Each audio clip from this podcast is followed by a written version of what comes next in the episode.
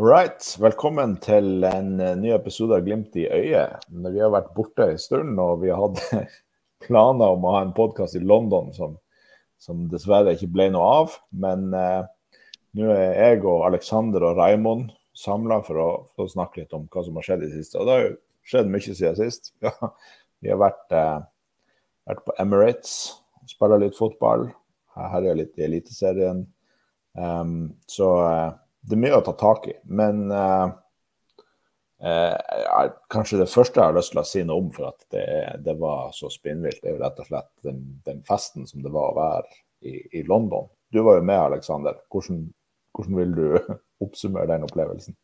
Nei, det var sykt kult å, sykt kult å fylle bortefeltet på det som for anledningen var Arsenal stadion. Uh, har jo vært på Det har blitt noen bortekamper det eh, siste året. Uh, og det var dritkult i Roma begge gangene. Veldig bra på Veldig, gra, gla, veldig bra i Glasgow òg.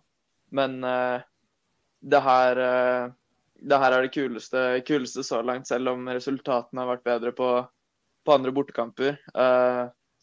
enormt bra trykk gjennom hele kampen, og før kampen òg. Ja.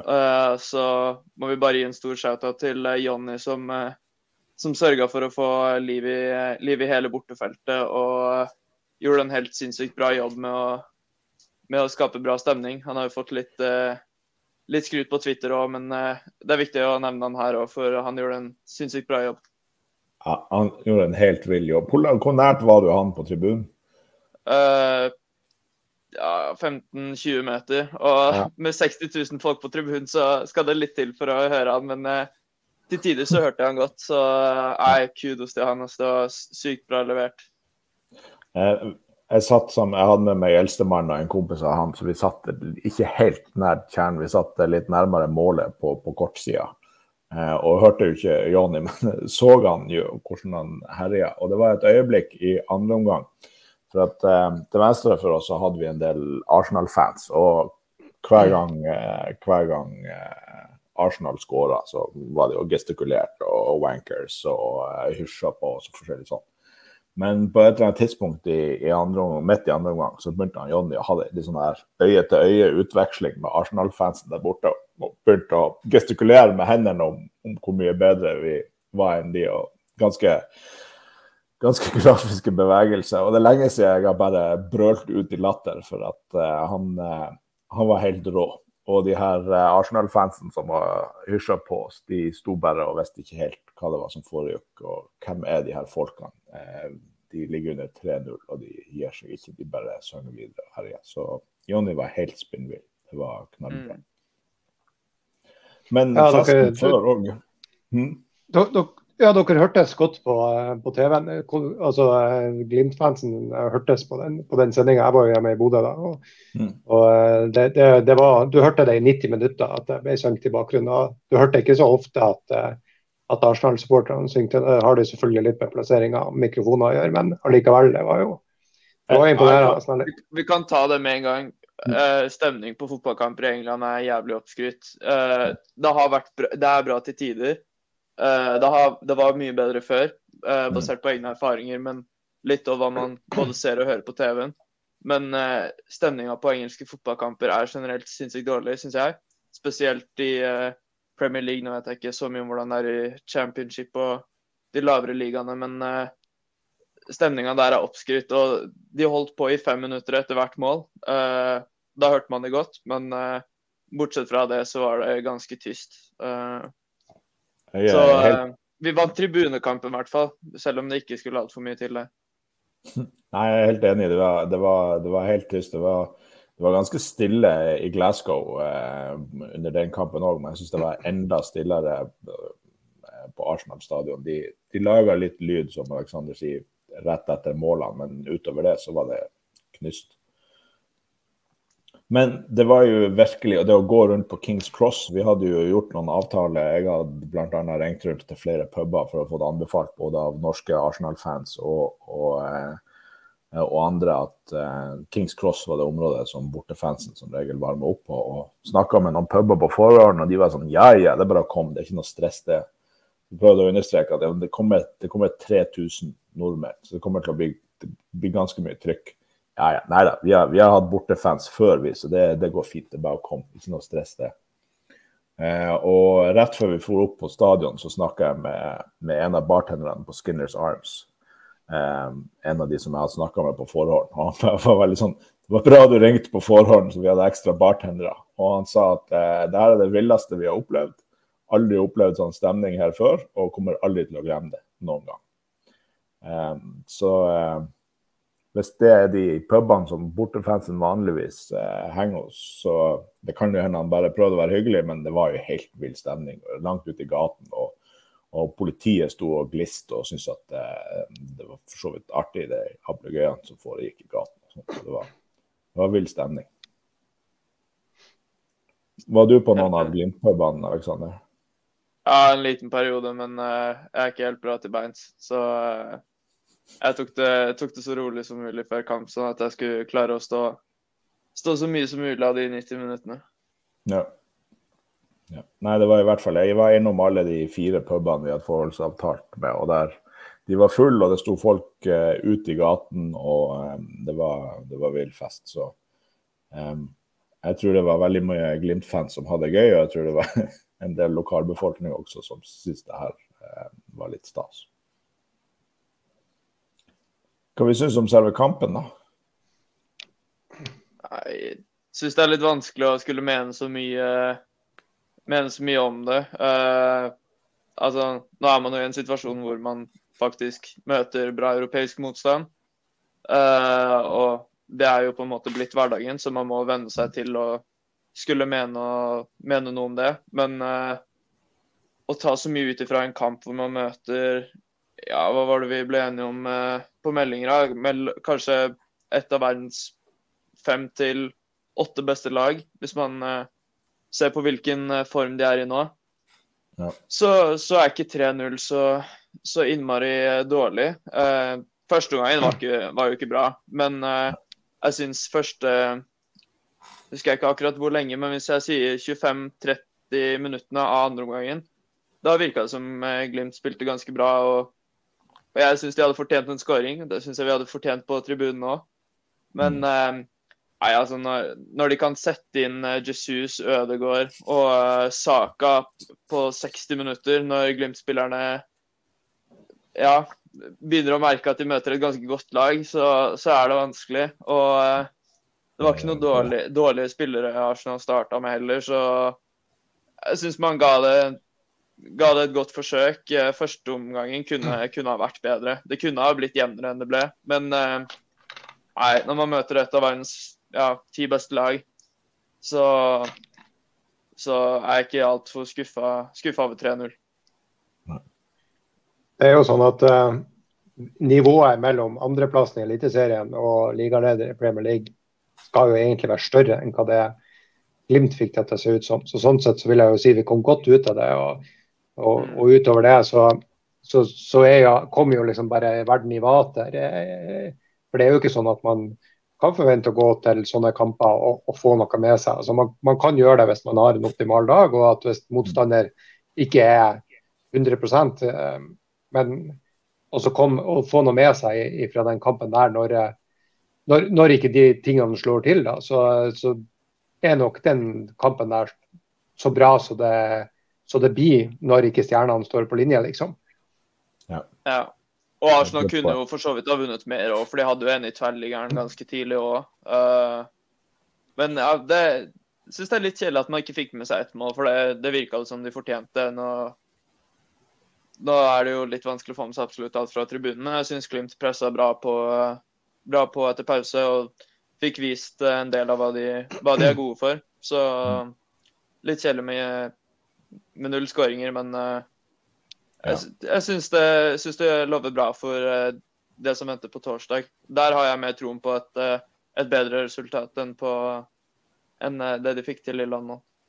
Ja. Men du ser, det jo, du ser det jo også på Arsenal. altså Glimt har gode spillere som når de er på sitt beste, som får andre eliteseriespillere til å se ut som de er liksom smågutter når, de, når det er mann mot mann. Og så ser du at særlig i starten av kampen, når Arsenal går hardt ut og de er fullt påskudd, så ser du at eh, da, da ser jo altså bare sånn mann mot mann. Du ser liksom hastigheten i bevegelsene, balltouch, finterepertoar og alt det greiene her, så ser du jo at da, da, skjønner man liksom hvor gode de her spillerne er. Og det er jo et vanvittig høyt nivå på Jeg er jo Tottenham-supporter, eh, eller jeg har nå brukt å være det, jeg følger ikke så mye med, med på engelsk fotball, så jeg elsker jo å hate Arsenal. Men man må jo bare si at herregud, det er, det er bra spillere de har. altså.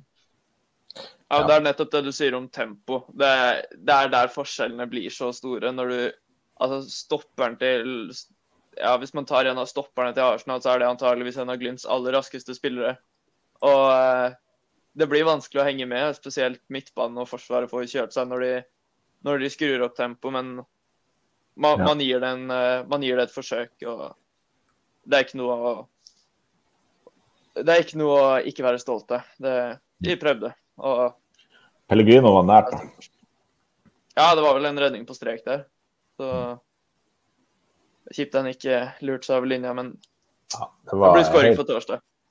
Helt rabiat stemning eh, gjennom hele kampen, men tenk hvordan det har tatt av hvis Glimt har fått en skåring. Det hadde vært ja. Eh, nice. Og på 2-1 òg, hadde man mm. kjørt kampen litt. Det kunne blitt gøy, men eh, nei.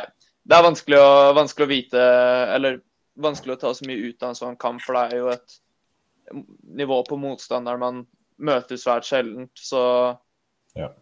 akkurat det her blir jo litt bonusen med å være i Euroleague. Mens, uh, mens kamper som mot PSV og Zürich, der, der, skal man være med å hevde seg og gjerne være det beste laget. Men uh, det her ser jeg på som den største bonusen med å være i Europa. da. Mm. Det er også litt for, at, for å trekke paralleller til det Rosenborg gjør. ikke sant? man sitter jo og snakker om Real Madrid og Dortmund og, og Milan-prestasjonene eh, til Rosenborg. ikke Det, det, var jo ikke det som var standarden. ikke Det, det, må vi ikke glemme. Og Det er litt det samme med Glimt òg, at når vi, når vi, slår Roma, så er jo ikke det, det er jo ikke standarden. ikke sant? Så eh, jeg syns allikevel at vi er, vi er på en måte det Vi kan ikke forvente noe mer. Altså, det er ingen andre norske lag som kunne gjort det noe bedre. Og, og liksom Rosenborg på sitt beste mot i helga hadde blitt de hadde blitt kjørt i år, ikke sant? Ja, hvis, man, hvis, man, legger til årene, for å si det sånn, i, i, tillegg. Så, mm. så eh, det, det, det, er sånn det er. Så, så suveren er liksom Premier League. da.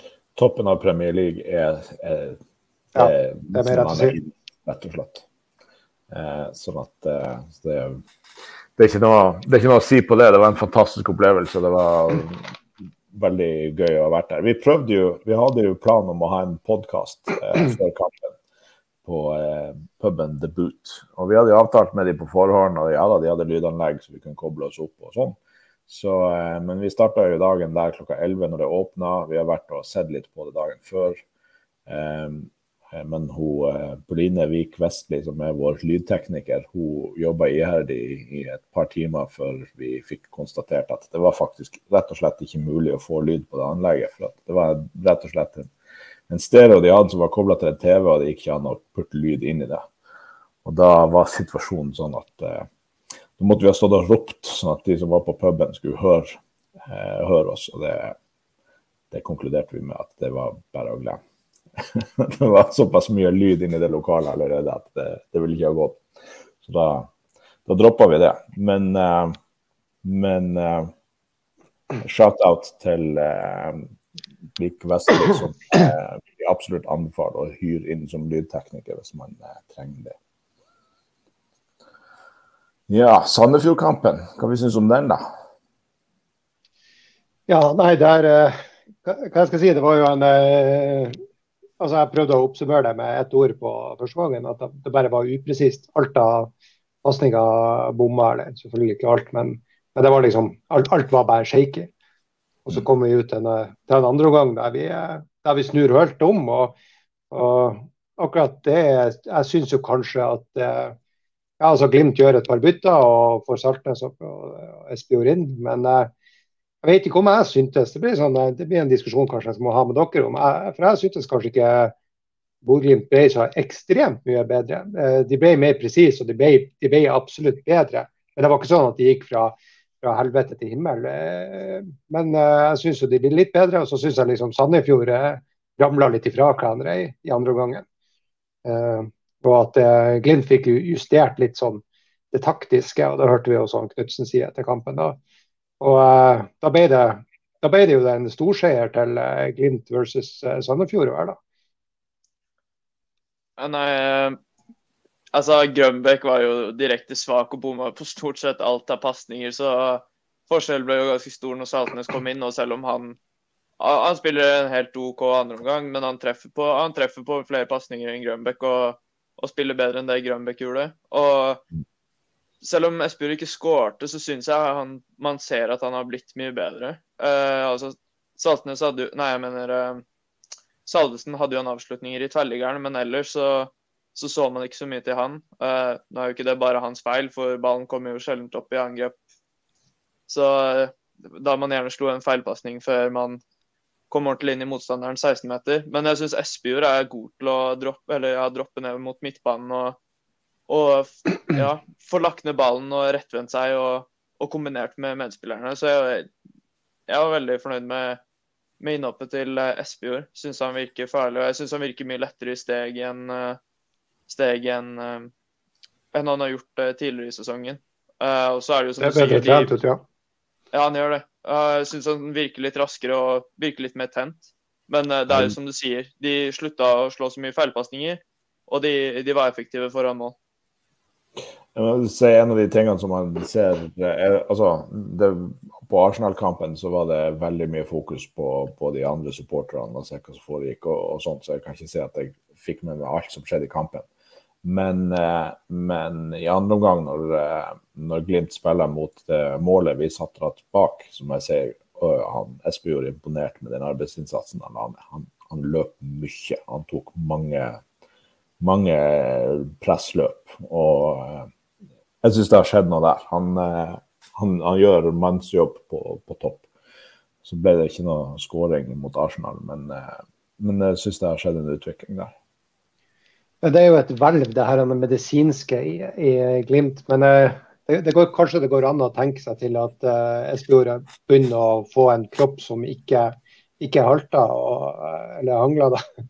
Og, men jeg, men jeg syns også det er verdt å nevne at både Salvesen og, og Grønbæk jeg, jeg, er enig i det at det, de ikke kommer helt inn i, i kappen. Men det er også to sånn nyankomne spillere som og, og det går nok litt på det også, at ikke de ikke vet hvor man skal stå. Og jeg ser jo det Eh, det skjer med mange anledninger at de spiller seg ut via Glimt i venstreside, altså via Pellegrino. Og jeg ser mange ganger at Pellegrino snur seg og får ballen slått over seg, der Saltnes alltid kommer stormende for å dekke når deres høyreback får, det, får ballen, at at han, går inn i presset der. Og, og der er ikke Grønbæk, tror ikke en eneste gang. Så det, sånn, det lukter litt sånn at Grønbæk ennå ikke helt har forstått eh, systemet til Glimt. Og det er jo strengt tatt ikke så rart etter en måned i klubben. Nei. Som Alexander Nyrud sier, at kvalitetsmessig så er nok Grønbæk kanskje bedre enn Saltnes, men relasjonene sitter ikke helt ennå. Um, på lang sikt så er det jo Grønbæk som skal ta over for Vetlesen.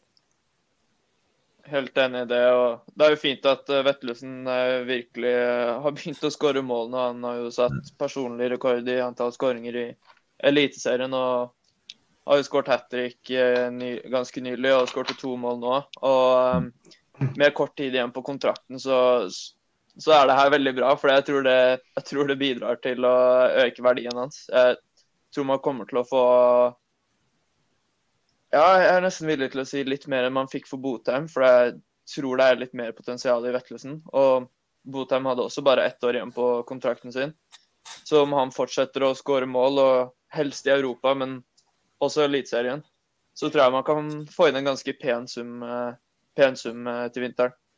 Det tror jeg også, men eh, nå må vi vel blande inn litt Absurdistan eh, sprinkles i den Botheim-summen eh, fra et land som ikke lenger er en del av markedet. Så, eh, så kanskje det legger en liten demper på summen. Men, eh, men absolutt, han er jo helt spinnvill for tida.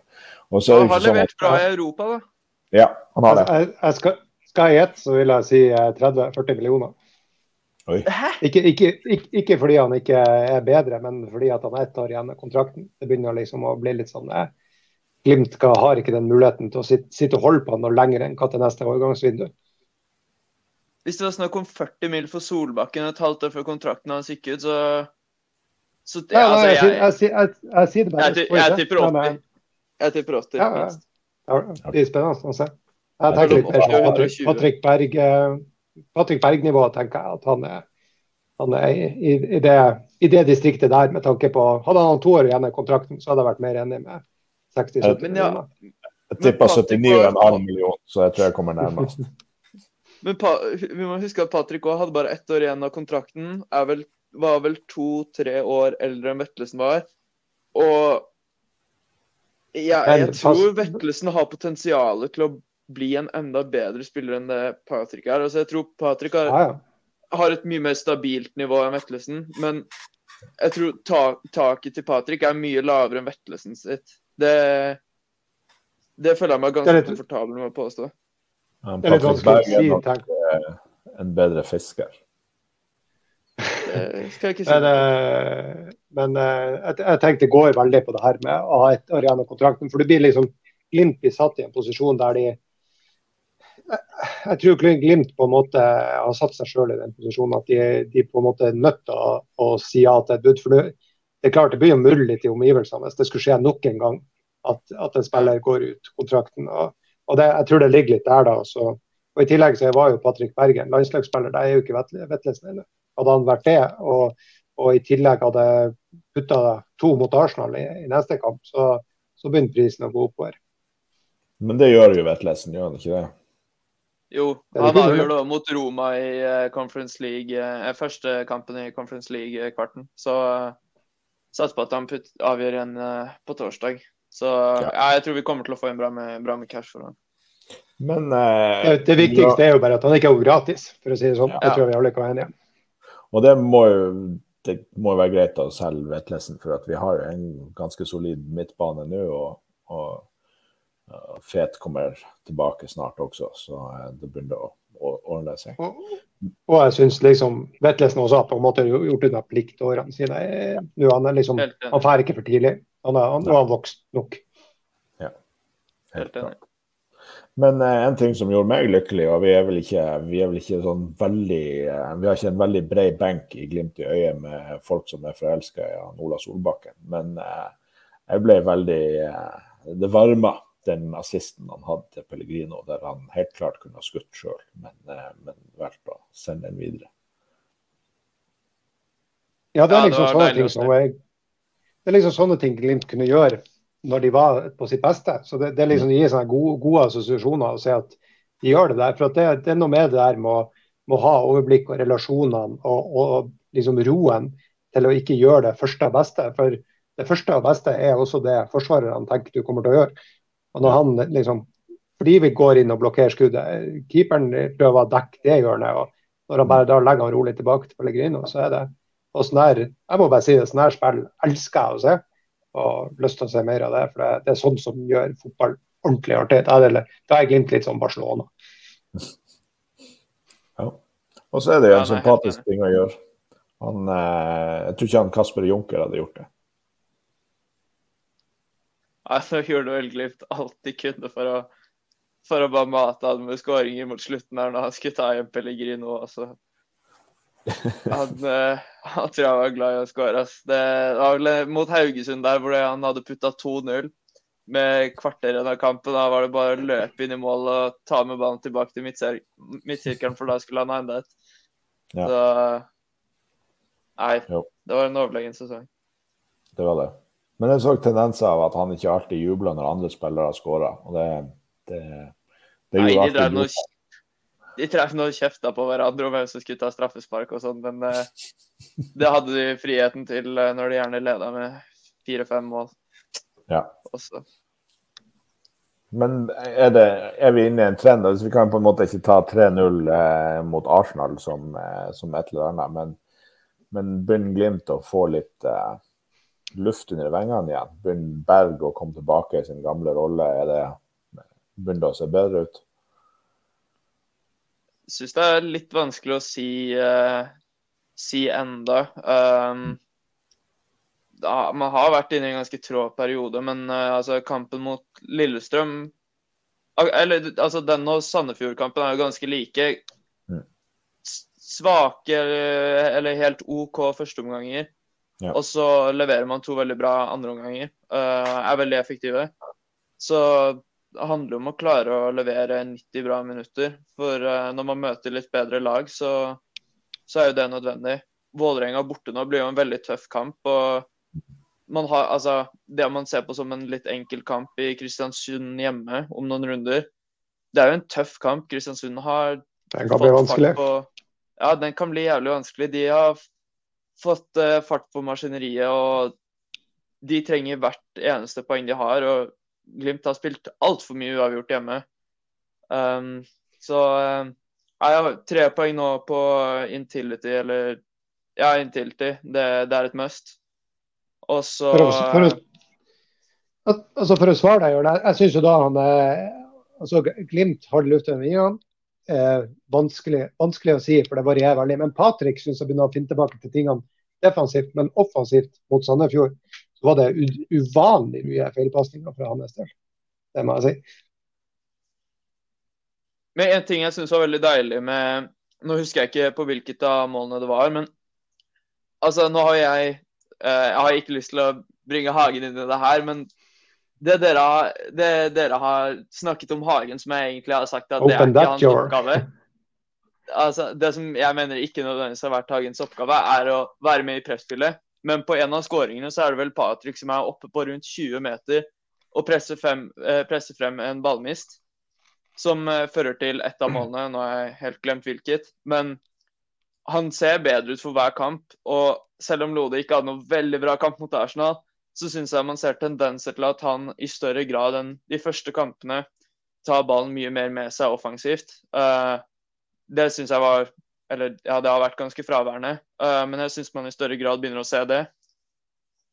Så, litt uenig på, litt enig på Lode der også. For han syns jeg Ja, han er bedre å ta med seg ballen nå, men jeg syns faen han er rusten med på avleveringene sine. Vi har jo en sånn ja, der, en situasjon der han Haiken må jo sklitakle for å klarere ut en, en ball som han det er liksom han, han, han blåser han tilbake til. Han, han, har, ikke, han har hatt litt sånn det er litt mye sånn her. og Det er flere situasjoner mot Sandefjord der, det, der det, jeg sitter og tenker at hadde jeg vært Arsenal, så hadde den der ballen der ligget i mål.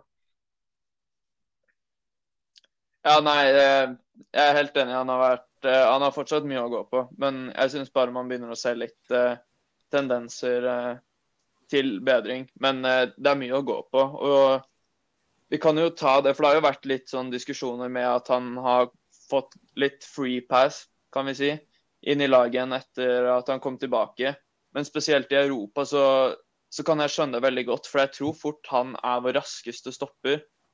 Og i, uh, i kamper hvor motstanderne har mye fart, så, så, trengs det. Og ja, Isak Amundsen har levert bra, men eh, han slår meg ikke som veldig rask. Og selv om han kan tilby mye bra, så tror jeg man taper mye på, taper mye på det. Og synes jeg også Høybråten, kan... som det ble nevnt i en kommentar her, Høybråten burde kanskje ha starta, men jeg tror, jeg tror, det hadde endra svært lite av resultatet. og Høybråten er jo litt mer kriger enn en Lode. og um, når det går Men vi fikk en del lag i boks mot, uh, mot, Arsenal, da. Det skal sies. Ja. Ja, det er sant. Men uh, nei, jeg tror ikke det hadde, jeg tror det hadde gjort svært lite. Nei da. Jeg, jeg støtter Lode fra start. Men på et sånn kall det menneskelig nivå, eller noe sånt, så, så jeg blir litt deprimert over at han eh, Amundsen er et sånn massiv eh, stoppertalent, og så nå er han så langt bak i køen som han er. Han, altså, han er fjerdevalg. Og eh, Fryktelig fortjent.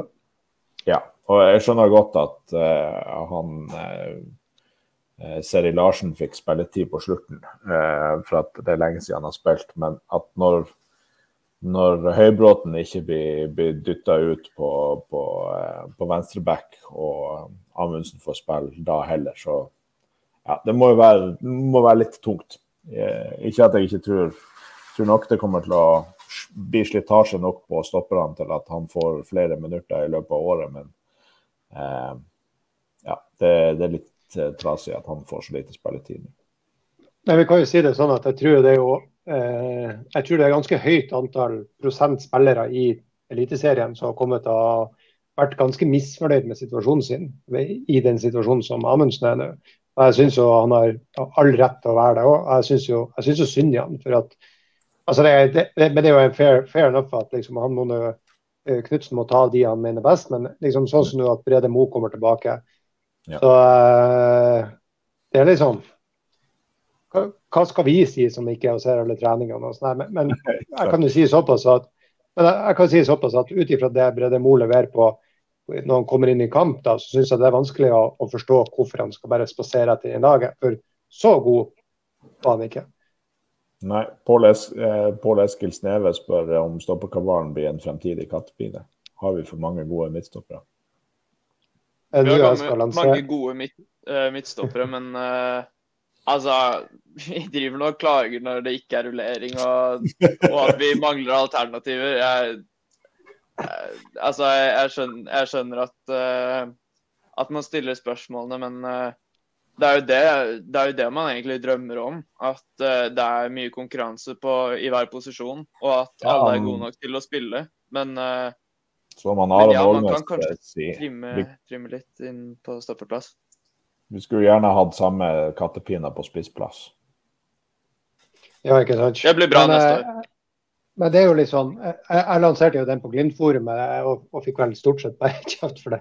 Men det, det her med tanken på for at, Hvordan skal jeg si det på, på enkelt, enkelt, kort og greit? men altså, Vi sliter jo med å få tak i de backene vi ønsker. og Det henger nok sammen med at de backene vi ønsker er offensive, ballsikre, treningsvillige, gode backer. og det ønsker jo stort sett hele fotball-Europa. På andre sida sitter vi med liksom et halvt lag med, med stoppere. så Derfor så sa jeg at skulle og det lanserte vel ikke en, som en eh, Det var mer for diskusjonen sin del. Jeg sa det, at jeg tror om Glimt hadde liksom prøvd 3-4-3 eller, eller, noen andre varianter i trebackslinje. Eh, eller eventuelt at stopperne skulle begynt å bli nyttiggjort på, på backene. For uh, gud bedre, vi har mange gode stoppere som ikke får spille. og Det er jo til og med sånn at vi har en Sigurd Kvile som er på utlån igjen. og, og Det gikk jo meg hus forbi at han plutselig var på utlån igjen. og, og, eh, og, og selv han kunne jo ha bidratt, i, særlig altså, i hvert fall i, i serien for Glimt. Så, så, det begynner å bli mange som kan gjøre en god jobb der. og Det hadde jo vært fint å ha de i jobb. Og eh, En annen spiller som er langt ned på rangstigen nå, er jo Sørli, som spilte Glimt 2-kamp Eh, samme dag som, eh, som eh, Glimt spilte mot Sandefjord.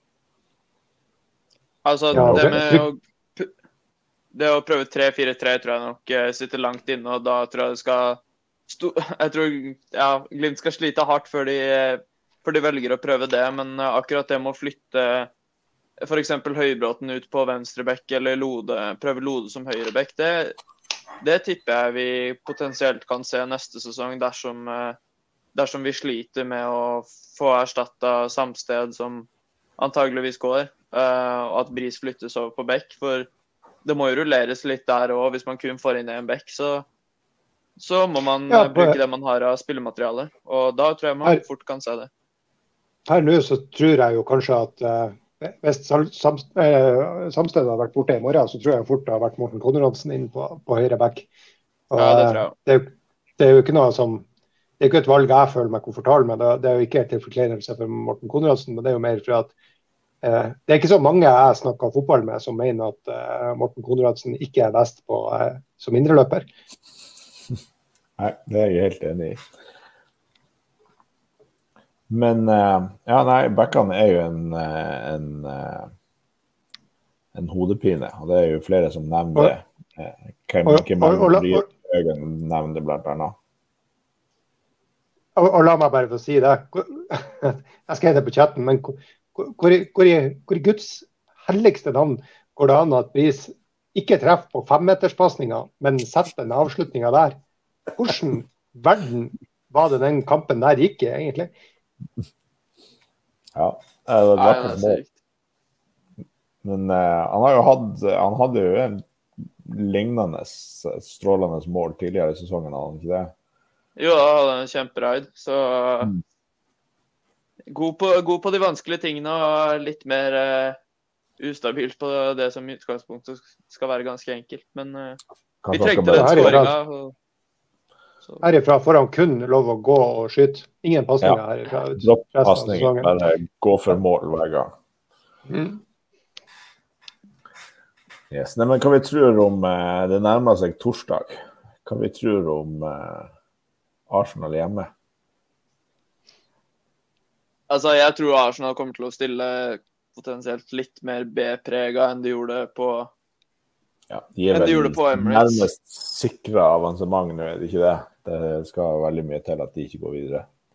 Ja, det er litt dritt for Glimt sin del at uh, den PSV-kampen uh, ikke ble spilt før de to Glimt-kampene. For hadde de hatt tre poeng til der, da hadde de hatt ni poeng nå. Og da kunne de ha slacka mot Glimt, som uh, spiller på kunstgress. Um, jeg tror kunstgressfordelen kommer til å være ganske stor, og at det fører til en del rullering. Så er det bare å satse på mye, mye vind og dritvær, sånn at Arsenal-spillerne er lite motivert for å lite motivert for å spille en god kamp. Men eh, jeg, jeg, har fått litt troa på at man skal få med seg et resultat, og da er det vel mest sannsynlig med en uavgjort.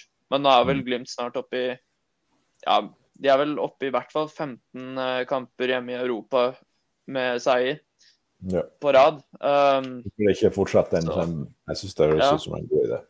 Hvorfor ikke? Nei, altså, jeg tror, jeg tror at Arsenal kommer til uh, Aspmyra, det tror jeg litt er sånn som når Glimt skulle spille cupkamp i Stordalen. Jeg tror, jeg tror liksom uh, det er sånn de ser på det. Uh, og kom på, altså, de mener jo ikke at risikoen for skader er enorm å spille på Aspmyra, og at de vil spille de beste spillerne, nei, spare de beste spillerne sine.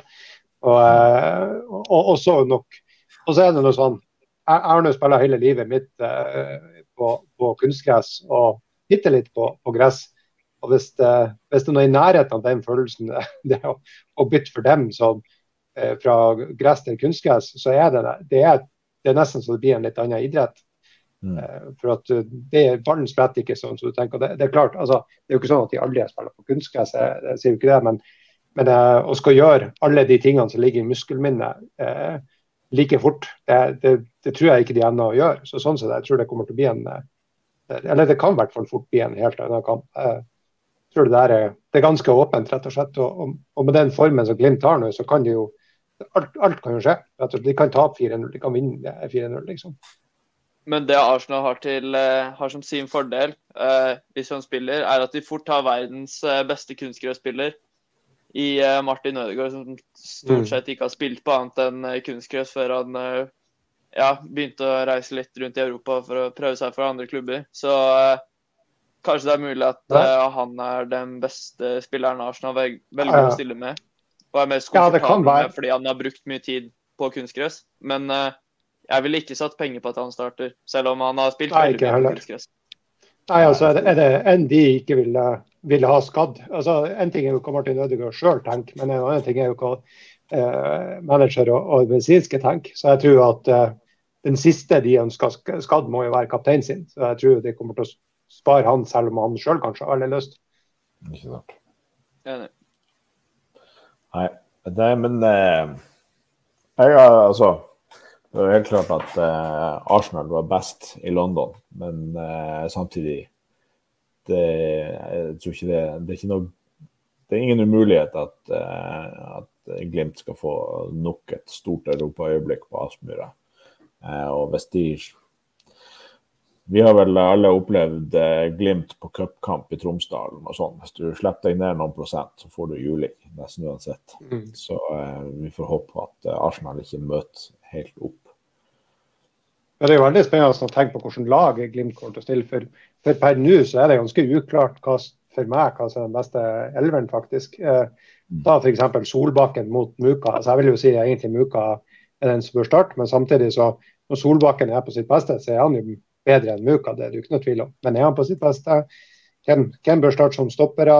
Eh, bør Grønbæk starte? Han, han, svarer vel egentlig nei på det i forhold til Sandefjord-kampen, men, nei, men, men samtidig så har han jo et eh, internasjonalt snitt på, på, alt han gjør, og det ser du når han kommer inn. Så, men kanskje bør han være innbytter. Men bare for å ta en Vuka raskt. altså Han er den som overraska meg mest borte mot Arsenal. For jeg syns ikke han har vært god på en stund. og med tanke på den fysikken hans, så syns jeg han tok godt for seg og sto vel bak det meste av nestensjanser Glimt kom til. og Virka veldig frisk helt til han ble bytta ut. Men eh, hvis begge to er 100 så, så ville jeg nok ha starta med Solbakken. Bare fordi han har vært jævla god i hver europakamp eh, omtrent. Uh, jeg føler meg trygg på, tryggest på han. Og det er noe med den rutinen og erfaringen han har fra Europa også, og vært litt på landslaget også. Det, det er ikke, når du møter Arsenal, så er ikke det så dumt å ha det. Det er litt uh, trist å, å, se på, på Muka at, at liksom det, det, det egentlig skorter på, det er det å ha den lille ekstra coolnessen i trange situasjoner. Du ser sånn den, eh, Jeg ser på den eh, på Fantasy. Irriterende nok for meg, så hadde han Muka. Så fikk han ikke assist på den der til, til Vettlesen. Og jeg kan kan jo skjønne det. Fordi at det er jo liksom bare Beina går som trommestikker og, og vet ikke helt hva han skal gjøre og klarer ikke å tenke fort nok, ser det ut som. Så, eh, men det er jo også bare det som mangler, liksom. Det er jo for frem til han kommer at det blir for trangt, så, så er han jo umulig å få has på. Og det selv for, for backen til Arsenal, liksom. Ja, eh, absolutt. Eh, men altså, han er jo fortsatt veldig ung. Og eh, tenk for et eh, sprang han har gjort fra forrige sesong til nå. Mm. Eh, så kan vi jo tenke oss hvor han kommer til å være neste år. For han skal spille hele neste sesong også i Glimt. Men uansett så tror jeg vi sitter med gode kort på hånda på høyrevingen. For uh, uansett hvem som starter, så starter vi med en ganske rask spiller som er vanskelig å forsvare seg mot. Uh, og hvis vi kan uh, utnytte det og slite ut Tomiyasu eller Tierney, som jeg tipper er en av de som starter på venstrebekken, så tror jeg ikke man er veldig happy når ja, enten en Vuka eller eller eh, Solbakken kommer inn med friske bein etter si en times tid. Uh, vi har Uansett hvem som starter eller kommer inn, så, så får vi inn en spiller med, spiller med, bra fart som er tung å møte når man allerede er litt tung i beina. Absolutt. Og for å ta det med stopperplass, så, så tipper jeg vi fort ser det samme. Eh, blir fort eh, Lode og Brede Mo. Enten eh, man liker det eller ikke, så så er det de eh, jeg tror Knutsen har mest tiltro til. Og, og det tror jeg han eh, kommer til å ha også på torsdag. Jeg håper virkelig ikke at vi eh, jeg, jeg ønsker, altså, Ikke et stygt ord om Brede Mo, men uh, han er ikke den formen han, han, er, han, har vært på sitt beste. Han har ikke vært det på et halvår, egentlig. Uh, har vært mye skada, har vært mye ute av det. Så jeg, jeg, jeg syns det er jeg vil nå si sånn i forkant, før kampen vi spilt, at jeg tenkte en dårlig vurdering å bruke Mo. At jeg kanskje ville ha brukt Loda og Høybråten og, og fått en kombinasjon av, av uh, duellkraft og, og, fart. Jeg håper også på Høybråten, men jeg tror på Bredemo. Men uansett Og så tror jeg Espejord starter. Ja, altså ut denne sesongen her så er det Espejord som er førstevalg helt til han eventuelt ja, Han har ikke mange kampene igjen, men om han ser veldig svak ut i tre-fire kamper på rad, så er det mulig Salvesen eh, får tiltro, men han har gjort den spissplassen til sin per, per dags dato. Um, så får vi se hvordan det blir, uh, det blir neste sesong når uh, begge har en forhåpentligvis en god preseason som de får ta full del i. Bare for å forsvare han Salvesen litt, så, jo, så, kan vi jo si at eh, han skapte gode arbeidsforhold før, eh, for han Espejord kom inn mot Sandefjord. For at han eh, Salvesen han springer mye da. Så jeg tror, de, jeg tror de var litt mør i beina, de stopperne, når, når Espejord kommer inn da. Ja, det, det er jeg helt enig i. Og det syns jeg begge to gjør, uavhengig av hvem som starter og kommer inn. Uh, mm. Så det er, det er, jo bra at man har to gode alternativer. Men uh, som, som, jeg tenker, en spiss eh, skal skåre mål, og per nå så syns jeg Espejord virker eh, farligst eh, foran mål. Og best totalt sett offensivt, ikke uten ball. Men, ja. men det, det, det, jeg tenker på, er liksom at han at når, når han altså Med den rulleringa han gjorde nå, syns jeg Knutsen gjorde et godt grep. Da, at han liksom fikk inn på Salvesen sånn at han får spart Espejord litt, men Espejord kommer inn på et mm. gunstig tidspunkt. liksom, og, sånn og så er Espejord starta mot, mot, Arsenal igjen. Det, tror jeg kan være en, en god oppskrift eh, å, å, se på fremover, når det er så tett i, mellom kampene. Absolutt. Men eh, det har vært litt andre kamper også. Eh, Rosenborg ser sterk ut. Hva vi tror om eh, andreplassen? Er den eh, vår til å vinne, eller kommer vi til å slite med å eh, holde på den? Det, der, eh, der ser jo jeg på en måte Jeg er veldig spent på hvordan Vålerenga blir å se ut mot eh, Glimt. Tenkte jeg litt på i stedet for at Vålerenga ble avkledd mot Rosenborg, men Rosenborg som var veldig kynisk eh, og smart. Så eh, det er ikke sikkert Enga kommer til å se så dårlig ut mot Glimt som de gjorde mot Rosenborg. Det tror jeg ikke. For eh, der, der, tror jeg de får bedre forhold for, for sine offensive styrker. For Glimt kommer ikke til å legge seg med legge seg og parkere bussen og satse på kontringer. Men, men sånn ellers så tror jeg at den kampen om andreplassen er veldig jevn. Altså, I hvert fall med Rosenborg. Mens eh, jeg føler jo at eh, Vålerenga de fikk seg en smell med det tapet. Og så Lillestrøm Nå begynner jo Lene Olsen å, å, fungere igjen, og det er jo litt skummelt. Men jeg, jeg ser ikke helt for meg at eh, Lillestrøm skal få inn tilbake til den toppformen. Men eh, Rosenborg ser eh, mot Vålerenga så de fette er ut, rett og slett. Mm. Jeg jeg tror jeg sa femteplass eh, til Glimt for noen runder siden. Jeg tror det var litt veldig defensivt, men eh, men per nå så tror jeg fort eh, Rosenborg kommer på andreplass. Jeg har dessverre lite tiltro til at Glimt får med seg noe særlig mer enn ett poeng på Lerkendal. og Glimt ja, de har en tøff kamp nå.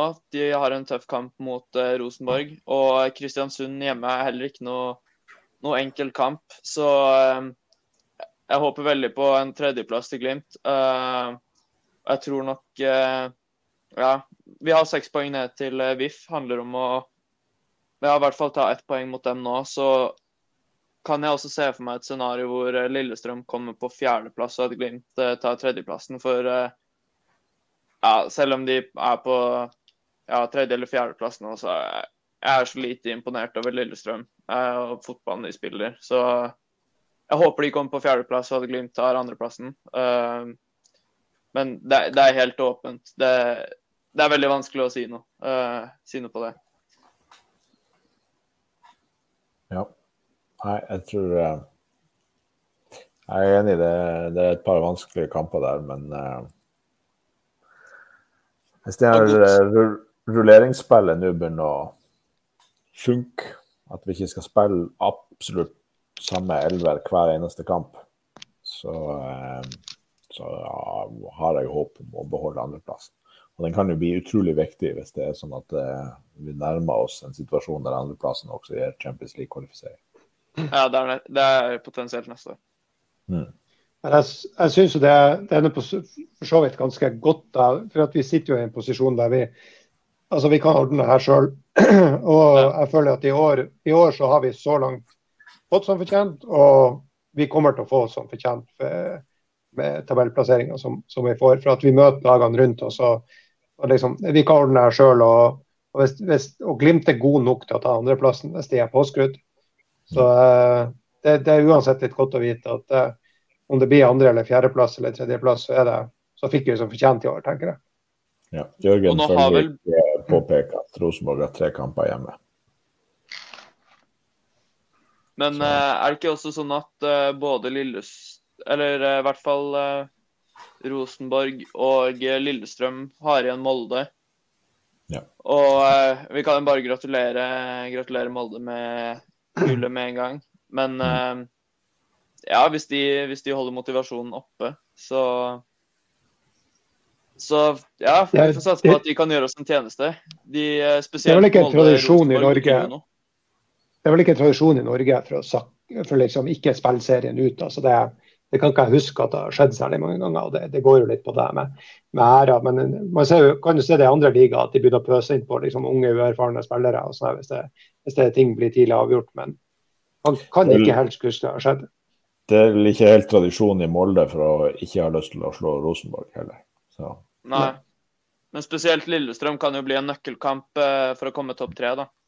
Så satt, altså, De er jo inne i en historisk rekke med antall seire på rad nå, som overgår selv det Glimt fikk til i, i 2020, utrolig nok. Um, så de må jo ha en, en, eller annen form for motivasjon for å klare å bevare den ut, uh, ut serien.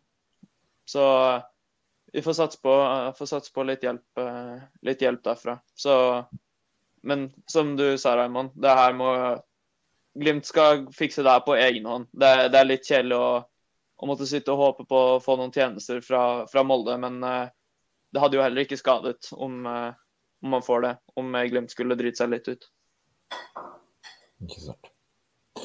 Men uh, da eh, tror jeg vi eh, begynner å gå inn for landing, og så ser vi fremover mot torsdagen, som kommer til å bli en helt enorm fest. Eh, det var artig i London, men eh, det blir veldig artig med europakamp og fullsatt Aspmyra og helt spinnvill stemning og Arsenal på Aspmyra. Eh, toppen av Premier League, og jeg tror ikke det er utenkelig at vi kan vinne. Så tusen takk til alle som kom til London og var med å lage fest der, men jeg er ekstremt misunnelig. Jeg klarte ikke å få tak i billetter. Jeg er ekstremt misunnelig på de som skal på, på Aspmyra på, på torsdag. Er det noen som vil Du gliste, Aleksander. Du skal på Aspmyra? Ja, skal det. Uh, ja, ja. Hva skal vi um, Får opp sånn blasfemiske, blasfemiske meldinger som det her, så Ja. Erik Riiber Moen mener at Bryce skåra tre mot Arsenal. Ja, men det kan godt være. Men eh, skal vi, gjette, skal vi gjette resultat? 2-1 til Glimt. Raymond? 2-2. Mm. Jeg, eh, jeg tror vi holder buret rent. 2-0 til Glimt. Det har vært litt gøy med 6-1 igjen, da. Ja, jeg har tatt det. Jeg har ikke, jeg ikke sutra hvis det blir 6-1. Jeg har kanskje blitt litt sur for at jeg ikke var på tribunen, men, eh, men eh, ja. Vi tar, vi tar en storseier. Vi gjør det. Um, før vi avslutter, så vil jeg bare nevne et tema som vi har sveipa innom i podkasten her en del ganger, selv om det ikke har noe direkte med fotball å gjøre. Vi har jo hatt et, et engasjement for det, men eh, i Ukraina i dag så har det regna kryssermissiler over masse byer. Over 80 missiler har russerne sendt inn i Ukraina, og det er et rent terrorangrep eh, der det ikke har noen annen funksjon enn å drepe sivile, rett og slett. Um, så um, hvis du har noen slanter liggende der over, ei øl som du ikke fikk tatt i helga, eller eh, lignende, så håper jeg at du eh, kan eh, finne en eller annen ukrainsk organisasjon eller aktør eller noe sånt å støtte. For um, Ukraina kommer til å vinne denne krigen, men, uh, men uh, spørsmålet er bare hvor mye lidelse de må utsettes for før det er over. Og uh, sånn som de finansierer krigen nå, så er det med å trykke penger. Så det fører til inflasjon. Sånn at vi som individer, den beste måten å hjelpe Ukraina og vinne krigen raskt og få ut eh, de her folkemordpsykopatene fra Russland på det å putte penger inn i eh, den ukrainske økonomien. Det kan du gjøre gjennom å støtte ukrainske organisasjoner, kjøpe ukrainske varer, book Airbnb, som fortsatt er åpen for booking, eller kjøpe guidet tur på museum eller lignende. Der det ligger åpne billett løsninger der som, som, eh, hjelper folk å beholde jobben og beholde inntekta si. Um, vi gjør det litt i glimt i øyet gjennom de, eh, de slantene vi tjener på, på T-skjortesalg, men, eh, men, bare en oppfordring til alle de som potensielt har litt penger liggende som de ikke trenger de nærmeste dagene. On that cheerful note så, så uh, ser vi frem til uh, hyggeligere tider med fred i Europa og uh, stor kalasseier på Aspmyr på torsdag. Så takk til alle som har hørt på og sendt inn spørsmål. takk til vår sponsor Adventure Taylor, som også har ei egen side med, med, som lister opp aktører det går an å gi penger til i Ukraina. og takk til Webium, som hjelper oss med produksjon. Ha en god kveld.